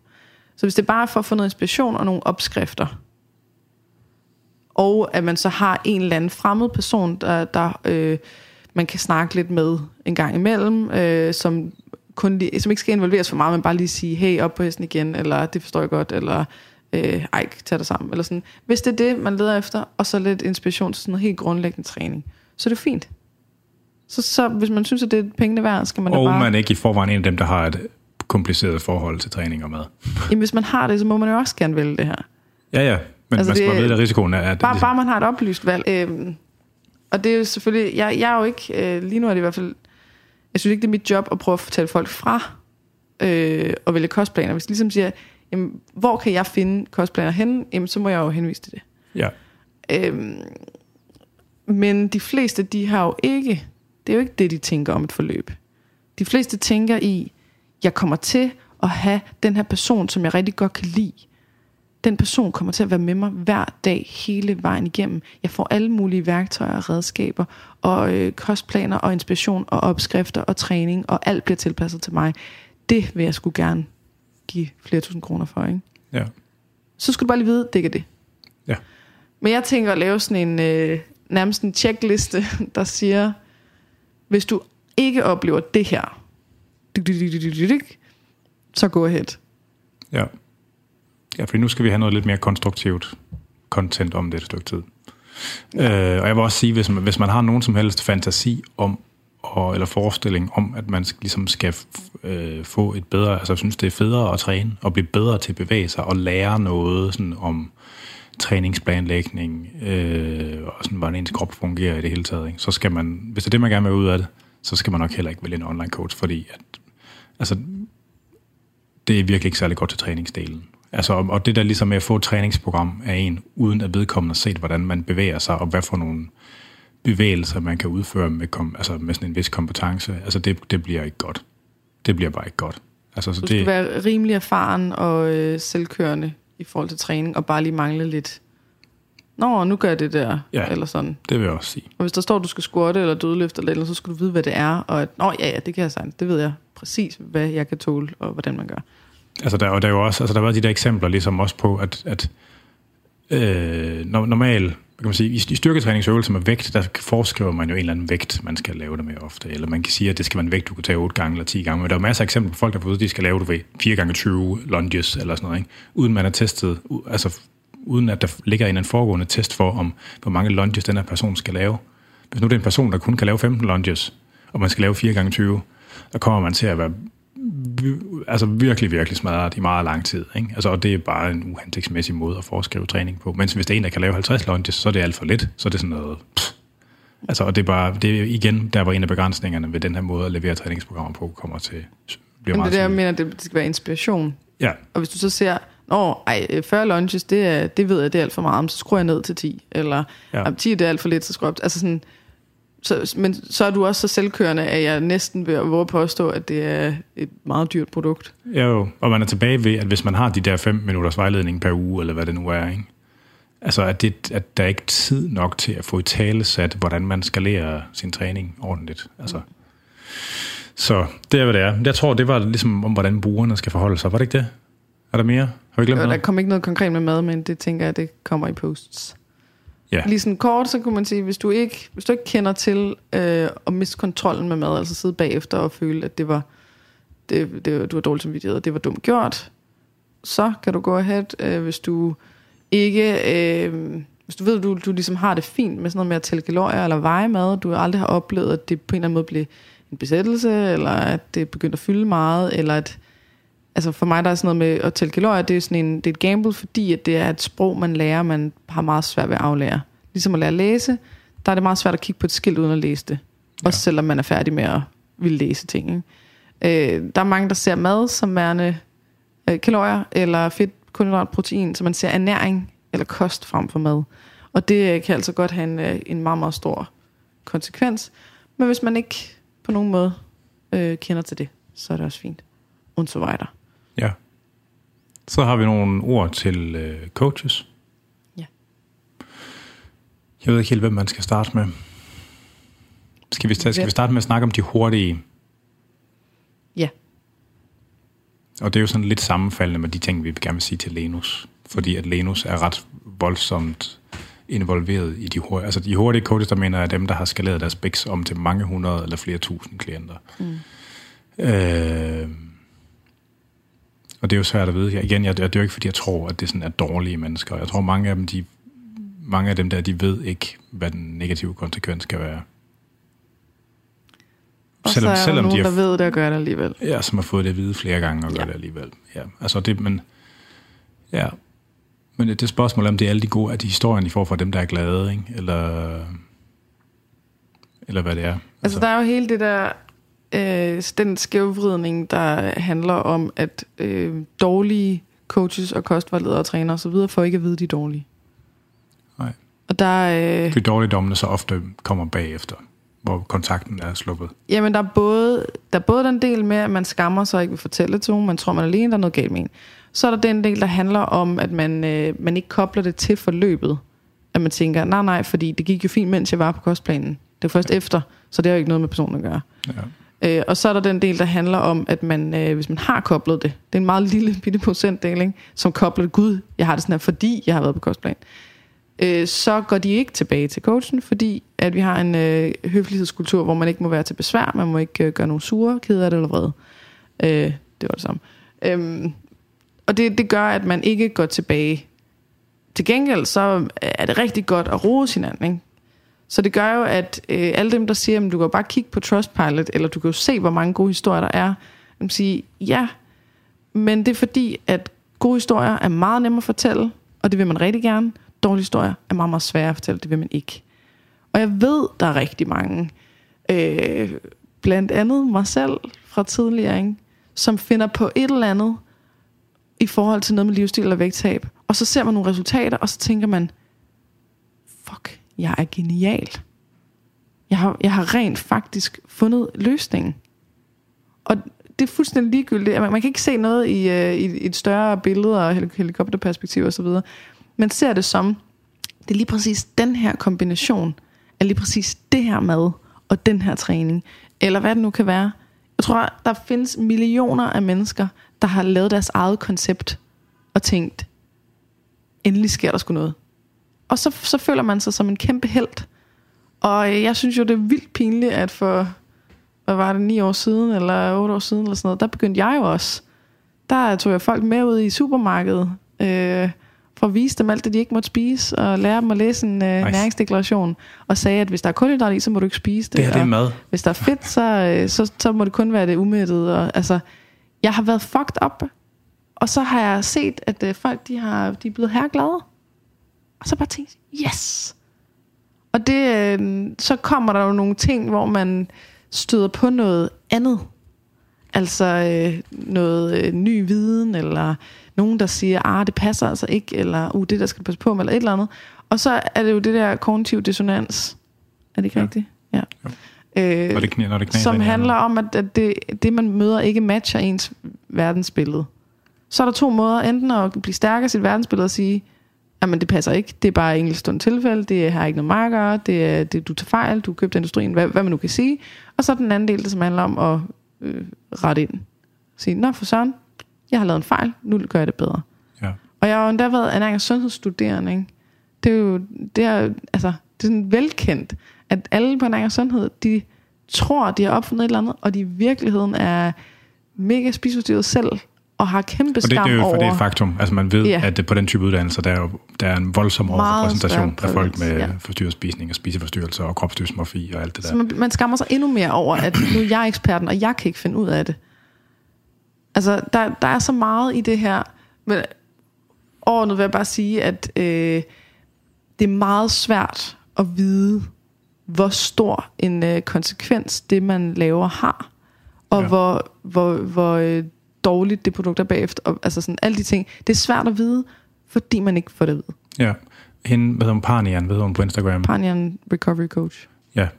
Hun lavede en rigtig fin ting på Instagram. En rigtig god guide forleden, til der handlede om det her med, altså hvor hun i tale sætter det her med at skabe det her rum imellem klienten, hvor man kan, hvor, hvor man kan gøre det sikkert og fortælle om sådan nogle ting. Mm. Og problemet ved de her skalerede produkter, det er jo, at det, det skaber ikke det rum. Og det man kan gøre, hvis man, altså, hvis man sidder derude og er en af de her online coaches, og hører det her, en af dem, som har mange hundrede eller flere tusind klienter, og man, man godt kan smage, at der er et eller andet, der ikke smager rigtigt. Altså det, man kan gøre, det er jo, at man kan begynde at gøre noget mere for at skabe det rum, både i ens tilstedeværelse på sociale medier, øh, og så række ud til nogle tidligere klienter. Ja, problemet med det kan- er jo så, at det, det tidligere klienter siger, vil enten være ingenting, eller det var rigtig godt. Ja. Altså man prøver på at gøre det så trygt som muligt, fordi de, de der mennesker, de findes altså derude. Mm. Dem, der har det rigtig skidt bagefter. Og man skal også bare se, altså er det virkelig nødvendigt at have det fucking Rolex-ur, og have den øh, kampvogn af en BMW, og altså er det bare så Kæmpe meget... lejlighed øh, midt ud over vandet. Ja, altså. Ja. Eller, altså er det så meget federe at tjene 100.000, end at tjene 50.000 i måneden? Er det virkelig så meget federe? Når først man har tjent, du ved, 100.000. når man så lad os sige, Prøv lige at... når man altså så Skru op. 200.000 i måneden. Når man mener, er det Ja. så federe at tjene 200.000 end 100.000? Altså 100.000, det er objektivt set rigtig, rigtig høj månedsløn, ikke? Mm. Er det så meget federe at tjene 200.000? Altså, for hvornår har man tjent ind til sin pension, så man ikke skal bekymre sig om ting mere, ikke? Altså, sådan, hvornår er det nok? Altså, til, altså fordi det, det, Det er jo helt basal, almindelig menneskelig grådighed. Ikke? Der, er jo ikke, der er jo ikke nogen, der tænker, wow, nu har, jeg, nu har jeg rigelige penge. Nu skal jeg sgu ikke have flere penge. Ja. Det er sådan, det er. Ligesom, øh, at man hele tiden tænker, at man skal tabe sig. Der er Ja. aldrig nogen, der siger, så nu, nu må jeg ikke tabe mig mere. Eller ej, nu. Altså alle væk. Ja, altså der er jo nogle ting omkring selve, for, omkring selve forretningen, som der kan implementeres nogenlunde automatisk, og det kommer vi til at snakke om, når vi skal sige, hvad vi mener, Lenus burde gøre. Så det vedrører også de højt skalerede coaches. Så er det, dem, så er det de coaches, der mener, altså som, som leverer som et, et ikke skaleret produkt, dem der måske kun har 25 eller 50 klienter eller sådan noget, øh, hvor der rent faktisk er noget mere tid til at snakke med klienterne, og hvor, hvor, det er noget, der ligesom det er en del af ydelsen, der bliver leveret. Ikke? Øh, Jamen, bare det 25 til 30, 25 til 50 klienter, det lyder helt vildt lidt, når Men vi det er- det snakker om, at der er folk, der meget. har mange tusind. ja, At sådan en som Gustav har 3.500, ikke? ja. Og du har, Altså, du jeg, har 20 har, jeg har gange. 20, Ja, og jeg synes faktisk, det er rigtig meget. Ja, Altså rigtig mange mennesker, hvor jeg skal huske deres historie, hvad de kommer fra, hvad de har fortalt mig, hvad deres øh, mand hedder, øh, hvad deres jobsituation er, hvad vi har været igennem, hvad for nogle værktøjer, der virkede godt på dem. Hvad, altså sådan, det er virkelig meget at skulle huske det med 20 mennesker, også selvom jeg tager en masse noter. jo jo. Og når du så ikke Men- engang sidder over for personen, hvordan fanden kan du holde styr på at have 50 mennesker, du skriver med i en chat? Ja. Nå, men det er selvfølgelig Ja, ja. bedre end uh, 3 Nå, men man kan sige, at så hvis, hvis, altså, for trods alt, hvad kan man sige, det som de systemer kan trods alt, det er, at de gør det jo lettere at manøvrere i, hvad for nogle data man har om klienterne. Altså, de har, de, de har et system, der gør det lidt lettere, og det skal de have. Det er et system, ikke? Hvor, det, hvor, der, hvor der er meget kort fra det sted, man har gemt oplysninger om folk, til det sted, man skriver med folk. Så det er let at finde dem frem hurtigt. Ja, ja, men tror du, de sidder og læser øh, al korrespondence, de har haft Nå, men- med folk de sidste fire måneder, men det for kan at kunne svare godt, det på kan jo godt være dem med 50 klienter, der gør det. Altså, er, det, det kan jeg ikke vide. Nå, Men der Så skal man ikke skrive særlig meget med folk. Nej, nej, men, men altså, igen, jeg siger bare, det kan godt lade sig gøre, men, at, men der er jo mange af dem, som i hvert fald leverer et mere individualiseret produkt, Ja. som synes, at øh, det er rigtig ærgerligt, at de bliver slået i hardcore med de her meget højt skalerede coaches. Og der, det gør trods alt en forskel, om man har 50 klienter ad gangen, og det er en selv, der har dem, eller om man har assistenter til at sidde, der har 350 klienter ad gangen. Det gør trods alt en eller anden form for forskel. Både på, hvad man kan gøre med, hvad selve produktet er, og hvor god en ja, coaching man kan give i virkeligheden. Og problemet er jo, sådan som systemet er lige nu, så er det rigged. Systemet er ligesom rigged øh, for dem, der er højt skaleret. Mm-hmm. Dem, der er øh, lavt skaleret, har ikke nogen måde, hvorpå at de kan anskueliggøre, at de leverer et mere individualiseret produkt med mere tid og bedre mulighed for coaching, end dem, hvor det er meget højt skaleret. Det findes simpelthen ikke. Altså man kan se, at mange af de meget højt skalerede coaches, de reklamerer jo endda med de her, vi søger 10 mænd til et uh, forløb med, jeg så, noget af det bedste så, Anders Trus, der lavede en reklame til et bodyforløb, altså sådan et par, hvor han søgte syv personer. Så kunne jeg ikke lade være med at kommentere på, hvad, hvad, skulle, hvad, Så der er en, en hvad skulle man gøre med det par. sidste par, når man søgte et ulige antal, der lå for meget til højre benet? Nå, men det der med, at man, i- man i tale sætter det som om sådan, jamen det er kun lige, det er kun lige nogle få. Det, altså Og sådan, der er virkelig mange, der bruger det med 10 pladser. ja, Ja. Og der er uendelige pladser, fordi Men hvad, kan hvad skal, bare... hvis, hvis jeg nu kun havde 25, hvis jeg var på det der, brugt det der, og, og, altså, og sagde, jamen, altså jeg har kun 10 klienter, ikke? Altså, det, det, det kan jeg ikke engang bruge, for det gør de i forvejen. Mm. Altså, så der, der findes intet værktøj til at skulle gøre, at man leverer noget andet. Og det er, øh, altså, så, så, så de bliver, altså, de, de bliver implicit bollet i røven af Lenus, fordi Lenus-systemet favoriserer de højtskalerede coaches. Og det man kan gøre, Jo. det er jo, at man kan gribe knoglen, øh, og så kan man ringe til Lenus og sige, at de er nødt til at give mig nogle værktøjer til at... Ja, det har vi lige fået at vide, at det vil de være fuldstændig ligeglade Nå, men man kan gøre det. Altså, Man kan sige, at nu går det Jo, ikke. jo. Man kan sige, at nu er der masser af andre coaching-platforme på vej frem. For det, man kan gøre, det er jo, så kan man jo gå et andet sted med sin forretning. Man kan jo vælge at... Jo, men der er ikke nogen af dem, der er lige så gode som Linus. Det får vi også at vide. At det program der, det er... Jo, det tror jeg nok, der.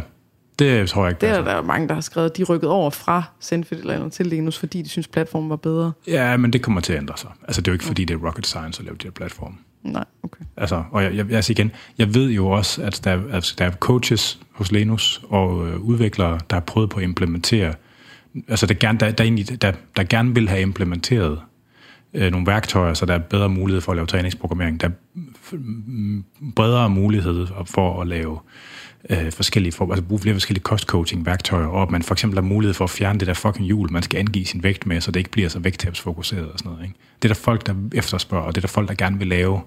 Man kan så spørge sig selv, om grunden til, at det ikke er blevet implementeret endnu, er fordi, at det ikke passer så godt ind i hele deres skaleringsmodel. Det er jo også en mulighed. Ikke? Mm. Men jeg tror, altså, jeg, jeg håber på, at de indser, at det vil være noget skidt ikke at implementere de der ting snart.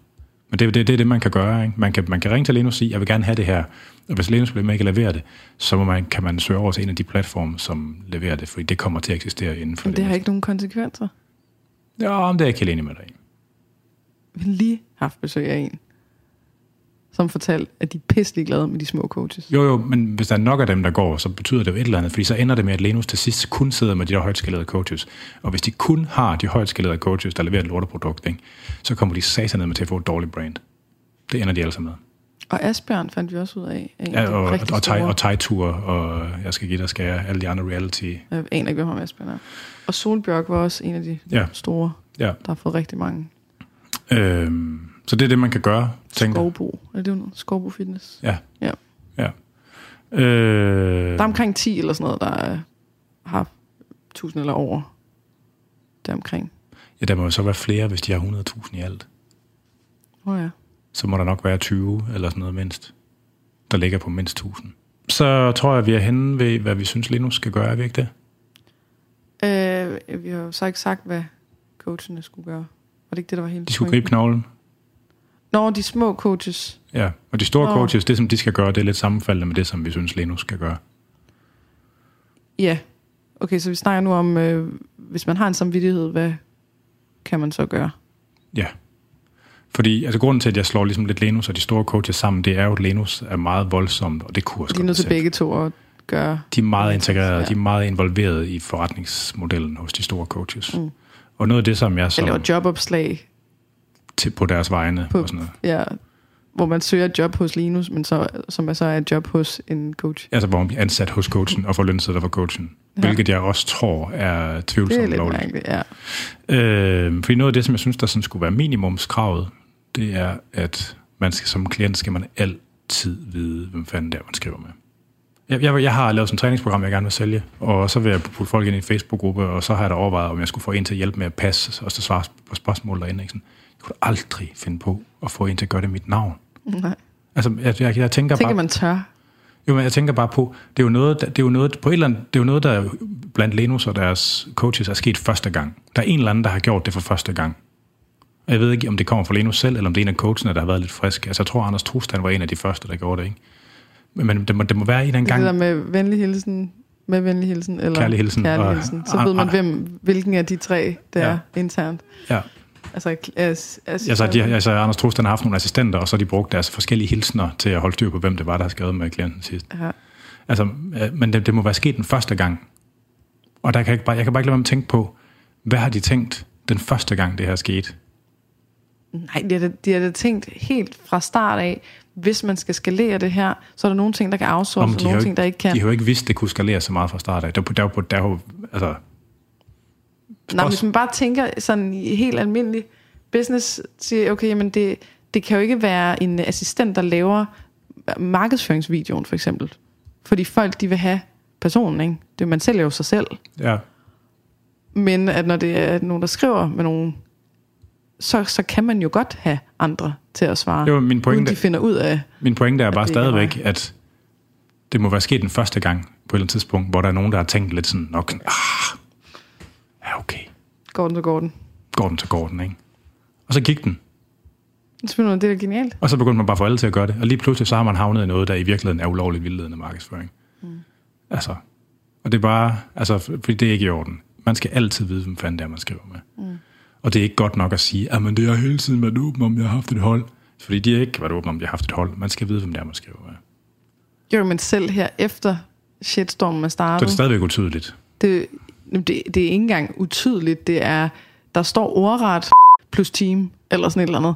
Ja, Hvad, hvad betyder det? Hvem snakker med hvornår? Og så videre. det er stadigvæk Men det samme. han har, han har ændret det til, at det er ham, der har øh, al øh, kommunikation, men han får hjælp af sit team til at lægge kostplanerne, eller hvis der er specifikke ting. Han har ordret sagt, at jeg står for al kommunikation med mine klienter, også efter det her det er startet.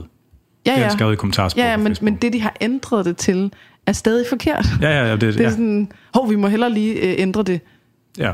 til noget, og der det, så og det er jo, stadig er altså, forkert. nu kan man sige, PT Danmark er i gang med at lave nogle guidelines til det her med online coaching også, altså som en del af det her etisk charter, ikke? og der er det også, der er det også altså, de punkter, vi kommer til at opridse her, de er sammenfaldende med det, som der er PT Danmarks anbefaling. Så et, man skal altid vide, hvem fanden det er, man skriver med. Det gør også alt det der øh, GDPR noget meget, meget, meget lettere.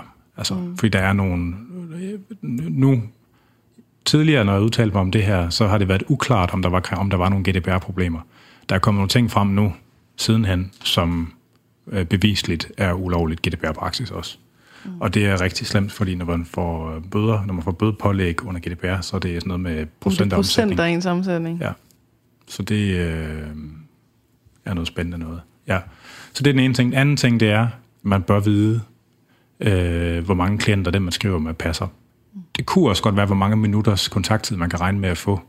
Altså, hvor meget coaching-tid betaler Ja. man i virkeligheden for. Det kunne egentlig være begge dele, men det er nok lettere, det er lettere at angive antal klienter, man har, end at man sidder, skal sidde og tælle minutter og sådan noget. Altså, øh, men det er sådan, så man kan anskueligt gøre, hvor personlig en ydelse er det, jeg får. Og det vil være sådan noget, der vil være ekstremt let for Lenus at begynde deres platform. Fordi at de har et system, hvor de forskellige assistenter bliver til forordnede klienter. Øh, og der kan man bare se, at hvis det her det er en coach, som der har øh, tre assistenter, der hver sidder med omkring 250, så ved man, hvad det er, man får der. Og hvis man har en anden coach, der ikke har nogen assistenter, og personen han selv sidder med 50 klienter, så får man noget, der er bedre mulighed for det individualiseret i hvert fald. Mm. Og det synes jeg, man burde vide, eller have mulighed for at vide. Ja, det er jo så også det, der er lidt gamble fra deres side, når de, øh, de lover daglig, øh, daglig kommunikation. Ikke? Ja. Du, du kommer til at skrive med mig hver dag. Altså, så hvad betyder det egentlig? Ikke? Er det, at, øh, at uanset hvor lang en besked man skriver, så får man et go girl, eller ja. kom så? Altså er det, er det den besked, er det, er det det, man får hver dag?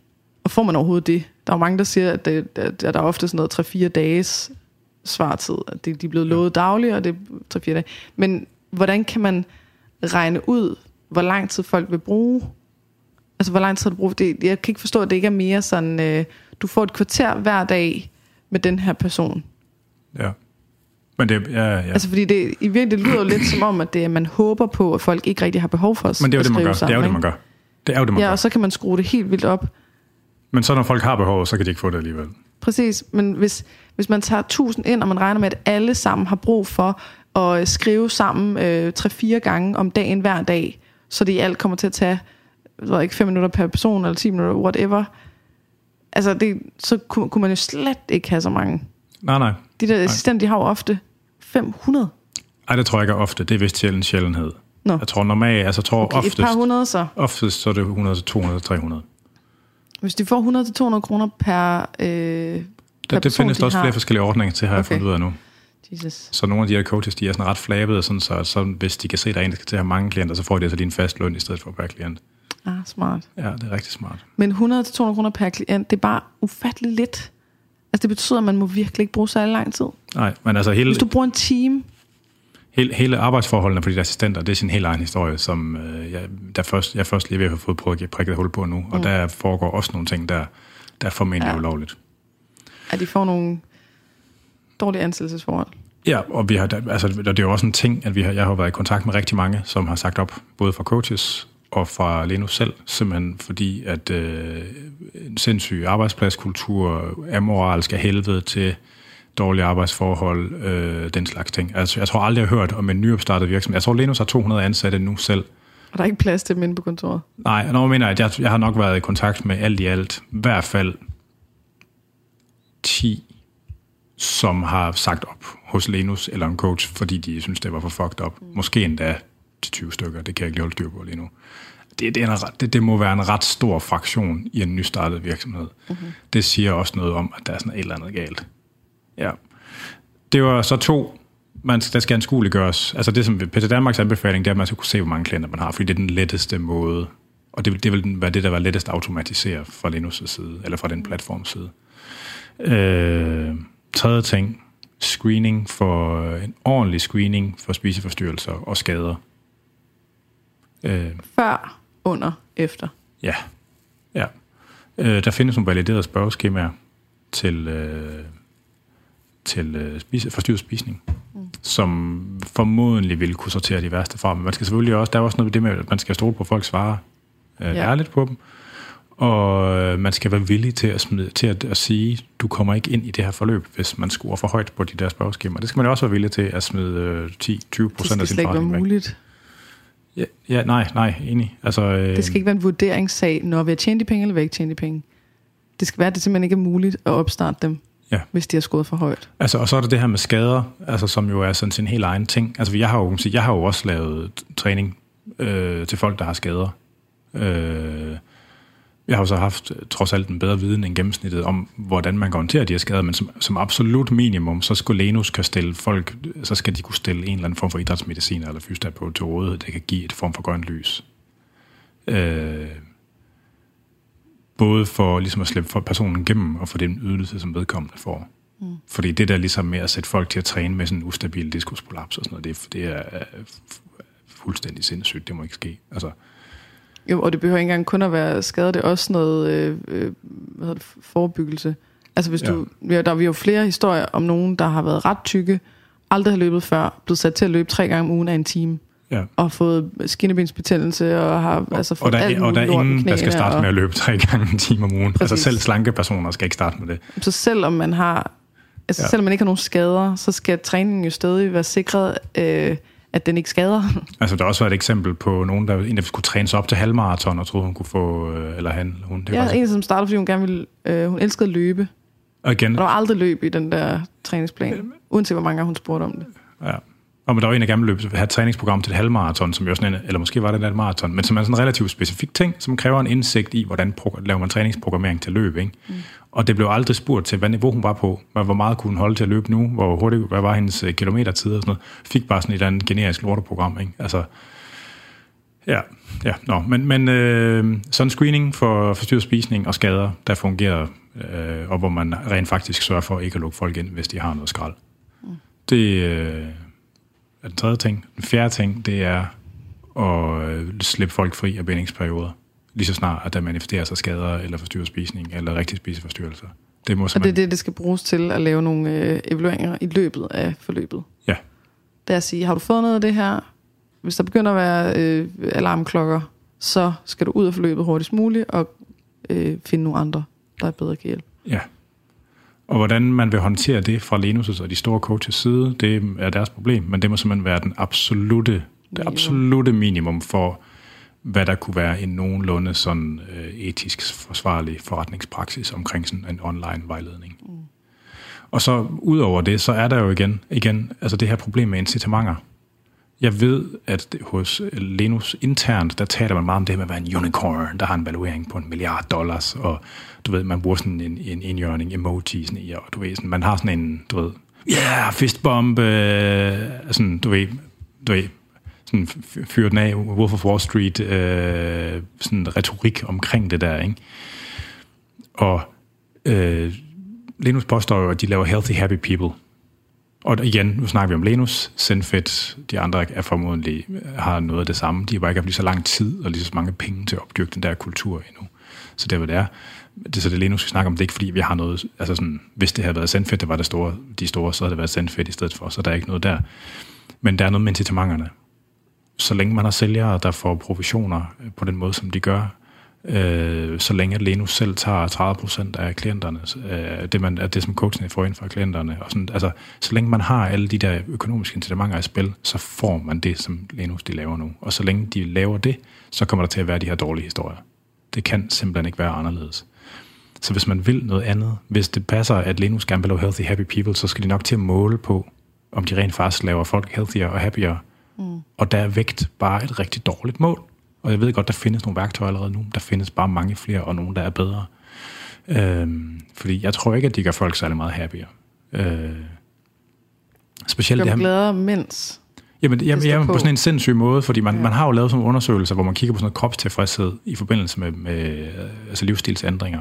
Og der kan man jo se, at folks, folk, der går har vægttab i forbindelse med adfærdsændringer, eller livsstilsændringer, der har til formål at skabe vægttab, eller, har et, altså, eller som har et eksplicit kosmetisk formål, de opnår generelt set ikke rigtig et bedre kropsbillede.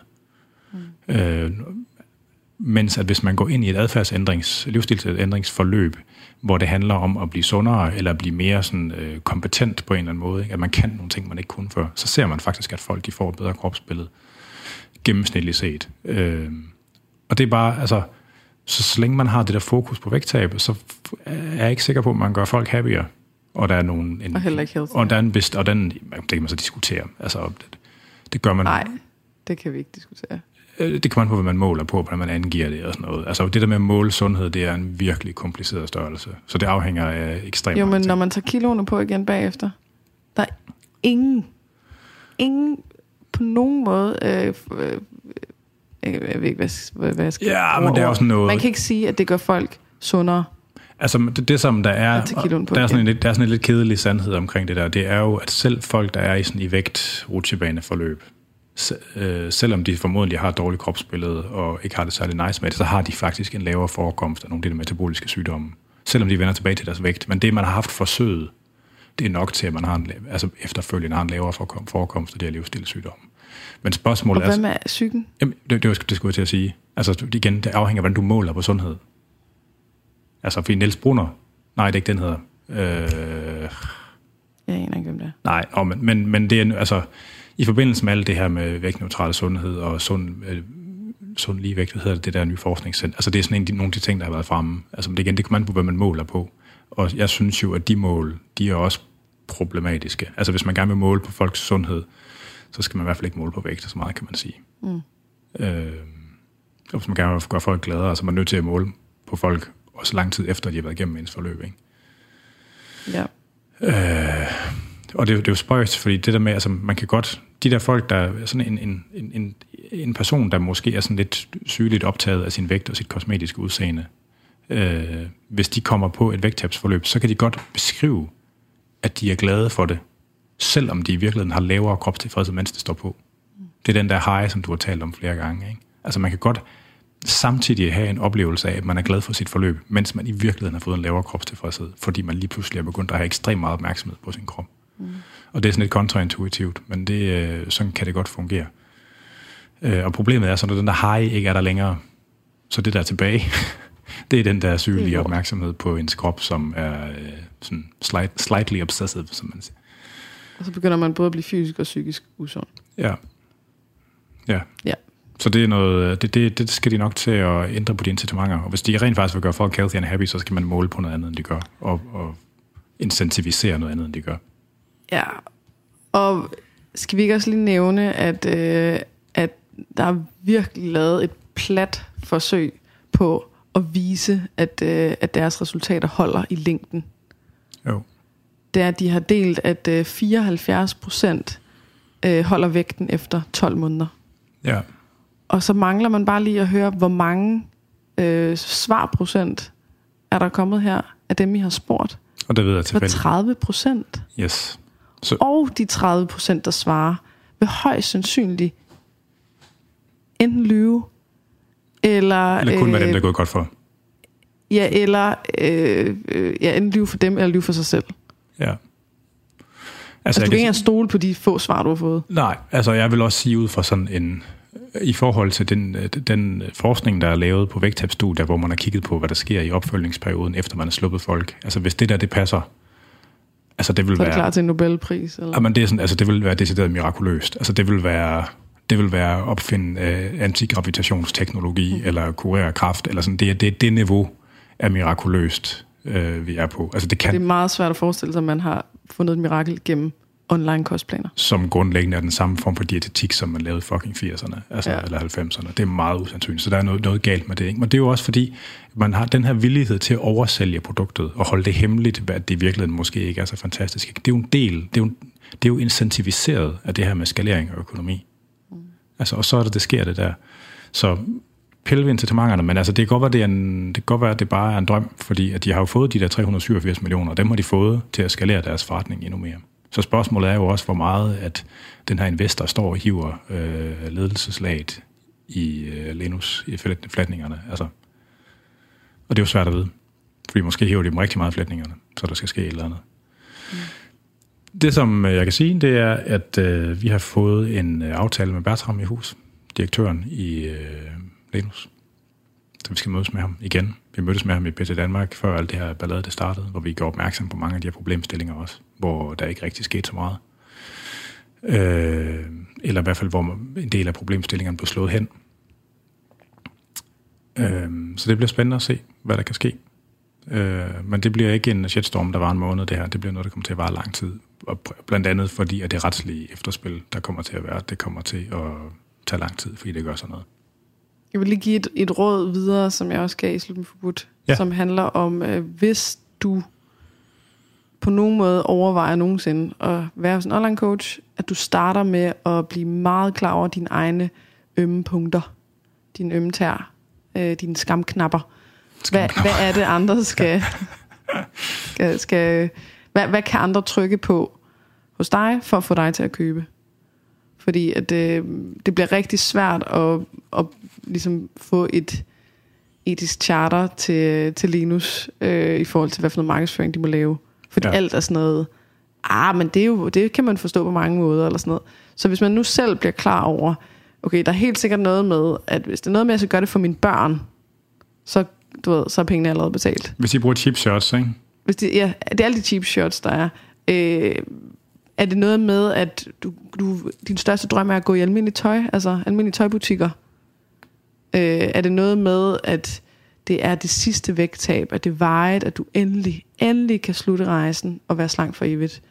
Er det noget med øh, bikinikrop, drømmekrop, la la la, øh, kunne tage på stranden, øh, at tøjet ikke strammer? Altså alt det der, find ud af, hvad er det for nogle ting, sådan så du er øh, bedre kan lægge mærke til det, når der er noget manipulation i gang med dig. Øh, og sørg for, at hvis du ender med at udfylde sådan en kontaktformular, at du så aldrig nogensinde giver dine kortoplysninger i telefonen, hverken verbalt eller øh, testament, mens du snakker.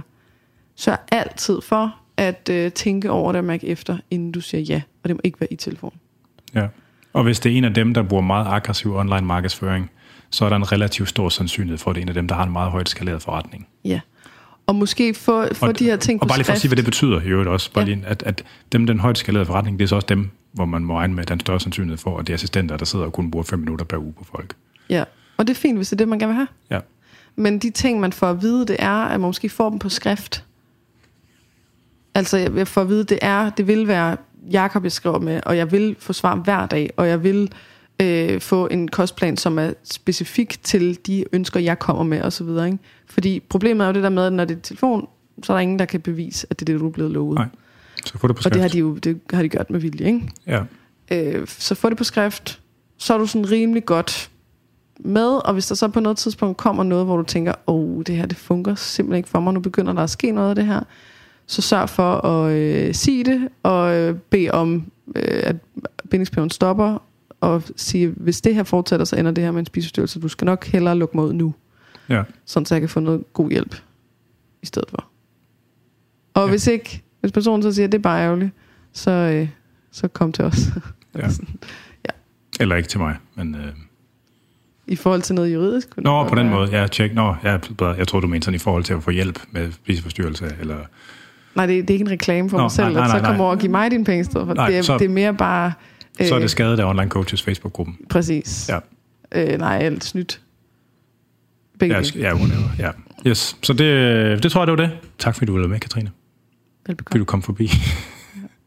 Det bliver Øh, øh, være sjovt. Ja, det er selvfølgelig godt det. Øh, ja, tak fordi I lyttede med. Husk på, at øh, vi er sponsoreret af Book- BookBeat i det her afsnit.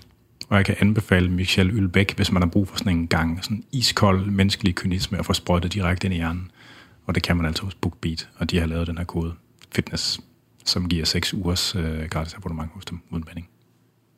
Det var det.